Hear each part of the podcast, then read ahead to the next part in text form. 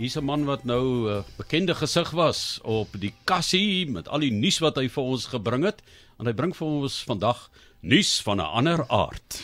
Ja, en dit is vir die Kwekwe Saga premier wat plaasvind. Dis SABC2 en dit is 'n groot geleentheid ook om hierdie herkoms en erfenis te vier. Johan Eybrims, joernalis, filmmaker wat amper twee dekades by SABC nuus gewerk het en onder andere later as vervaardiger en uitvoerende regisseur van die program Special Assignment was. Tans werk hy as vryskut aan dokumentêre films en skryf ook draaiboeke waarvan sommige alreeds op televisie uitgesaai is. Is 'n mond vol en omtrent 'n klomp vaardighede daar wat saamgevat word vanuit byvoorbeeld nuus tot by vermaak en vir mense op iets iets op televisie te bied wat vir hulle gaan inspireer, hulle kennis van Suid-Afrika en erfenis gaan verdiep in terselfdertyd ook vermaak daarbey baie baie welkom na daai mondvol. baie dankie. Vertel vir ons net van die besluit om hierdie program saam te stel of en en die storielyn vir luisteraars wat dit nou nog nie gesien het nie. Ja, ehm um, ek dink 'n mens moet eers begin by die kyk die ding die die reeks se naam is die gooi gooi saga in in en dis 'n moeilike naam om uit te spreek. O, ek uh, tog is kwe kwe. Kyk is mos is mos 'n K H O E K H O E. Goed. Maar as jy nou gooi gooi op kan praat, dan spreek hulle dit uit as gooi gooi. Jy moet so al die K en die H saam kan sê. En maar is moeilik. Soos 'n bal gooi. Okay. Ja, gooi gooi. Gooi gooi. En uh dit is die naam en dit beteken eintlik real people. Dit beteken eintlik regte mense en ek en ek dink dit was in 'n uh uh uh uh arrogante manier ge, gesien ek daar's miskien iets wat verlore gaan in die translation maar dit beteken real people. Um en dit is die hierdie hierdie reeks is die verhaal van 'n bepaalde groep uh wat vir baie lank uh, was dit was die naam uh, Hottentotte. Nou in die reeks kyk ons na hulle geskiedenis. Ehm uh, uh, in ons in ons uh, met die met die research het ek uitgevind dat hulle kom eintlik uit ons kom eintlik uit noorde van Botswana af. Uh ehm um, en baie mense weet nie dit nie. En en daar's baie mense wat ook vir wat daar's 'n bietjie verwarring oor uh die koi en die en die san, die bushman. Wie is die koi en wie is die bushman? Ehm um, maar om het, om dit op 'n eenvoudige manier te verduidelik is dat al twee kom van dieselfde stok af. Al twee het uh um is geneties verbind. Dit is net dat die koi is eintlik ook maar bushmans, hulle was ook hunter gatherers, maar hulle het 'n ander ekonomie uh vir hulle het 'n ander ekonomie gevolg. Hulle het begin um um um pastoraal, hulle skape aangehou en beeste, eintlik later eers beeste maar eers met skape en dit is iets wat hulle oor oorgeerf het van van uh uh, uh vier boere wat van die noorde af gekom het uit Malawi se kant af. En het vermenging plaasgevind en dit is hoe hulle hulle hulle uh, uh, uh ekonomie verander het en dit is die verskil tussen die twee. Uh so ons kyk na die herkoms waarvan af kom hulle en hoe het hulle hier in die Kaapland uh die migrasie Kaap toe en dan kyk ons ook na hulle So ons kyk na hulle geskiedenis, maar dan kyk ons ook na waar bevind hulle hulle self vandag. Ja, dis 'n interessante storie. Ek het hier by uh Kwa toe, hier buitekant het ek ja. van die Botswana Sanmense al wat as gidse opgelei word mee gesels 'n paar jaar gelede. Mm. Maar is interessant dat die een het veeboere groep, veeboere, mm. die ander het net vir die pot geskiet, wil mense amper sê, ja, né? Ja, en so ja. het, en uit die grond uit, uit die veld geleef en pot in die veld en toe het verskillende lewenstyle ontwikkel. Presies.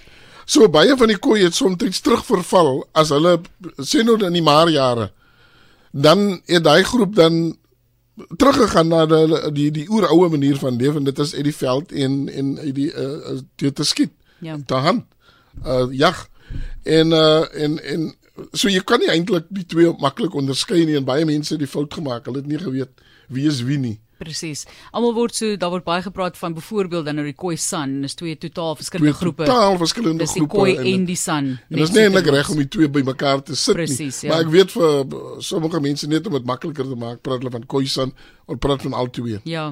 Praat ons praat ons net oor die mense wat jy gebruik het uh, vir die produksie self. So was dit vir julle belangrik om mense wat herkoms het of wat byvoorbeeld in hulle stambome hulle herkoms kan terugneem tot by daardie gemeenskappe? Ja, ons het ons het baie van die baie gemeenskappe besoek. Ons het kruis en dwars oor die land ge um um, um gereis uh, tot in Namakoland, tot in die Oos uh, Ooskaap, uh tot in Filippolis, uh oral waar ons nasate aangetref het natuurlik. Mense wat uh hulle self identifiseer met hulle koi uh uh of Busman uh, uh naam uh, uh, as 'n NASA ja. self self identification soos ons dit noem. Ehm um, en en dis mense wat daarin wat dan nou bygedra het tot die storie. Maar ons het ook uh, kenners gebruik, uh, mense wat diep navorsing gedoen het soos professor Nigel Pin, uh professor Michael De Jong, uh Dr. Willa Busak, uh, Ron Martin, ehm um, vir wie ek uitgelaat. Maar daar's da, da 'n lang lys ehm um, um, professor Andy Smith wat voorheen by UCT was. Ehm um, hulle almal dra by tot hierdie program. Soos ek wat dit sê nie. Ek as as 'n fout kom, dan moet ons kyk wie wie sê wat. is moeilik ook want dis nie altyd opgeteken nie die geskiedenis. Dit is vertellings en uh ja, stories wat saam met ons kom in terme van herkoms en daar waar dit wel opgeteken het, is daar dis nogal beperk, maar later jare is daar darm geskrewe waarvan of jy kan werk in dokumentasie. Wanneer kan ons kyk? Ja, want ehm uh, die die probleem is met die met die dokumentasie wat daar is, is geskryf uit die oogpunt van die VOC amptenare. So in baie gevalle uh, is is dit problematies en 'n mens moet maar tussen die lyne lees vir baie van die stories. Daar's daar's interessante stories waar jy kan jy volg die storie wat die VOC geskryf het en wat jy weet van 'n stel het geskryf na die Here 17 toe 'n bepaalde uh uh um, um kant van die saak en dan vind jy uit maar dit is nie regtig so gebeur nie. En en so daar's is baie interessant um as 'n mens uh in die in uh, jy weet as jy nou die navorsing gaan doen en snaaks nog al die goede is hier in die Kaapse argief ehm um, ehm um, vergaderstof daar half ehm um, en dit en dit is meestal mense soos so mense moet eintlik mense soos die jong en en Pin en Smith en Busak en die mense uh, waardeer wat eintlik hierdie inligting na vore gebring het. Ja, gaan opsoek en navorsing ja, gaan opsoek en gaan skryf daaroor. Wanneer kan ons kyk? Ons kan ehm um, die 8ste die presiese maand 8 Desember 8 8 Januarie uh op SABC 2 Ehm um, ek dink dit is 'n Sondag aand en ek dink dit is rondom 9uur. So dit is 7 episodes. Elke episode is 48 minute.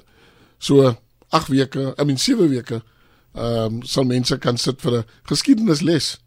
Mooi. Dit is die gooi gooi sage en ek weet ek het dit seker ook nog nie 100% uitgespreek nie. Gooi gooi. Gooi gooi sage, 'n sage wat jy voor kan inskakel op SABC2. Johan Abrams wat hier by ons gekuier het, joernalis en filmmaker wat betrokke was by hierdie produksie. Ons sê vir jou baie dankie. Ons sien uit na Januarie om dit te kan kyk. Baie dankie.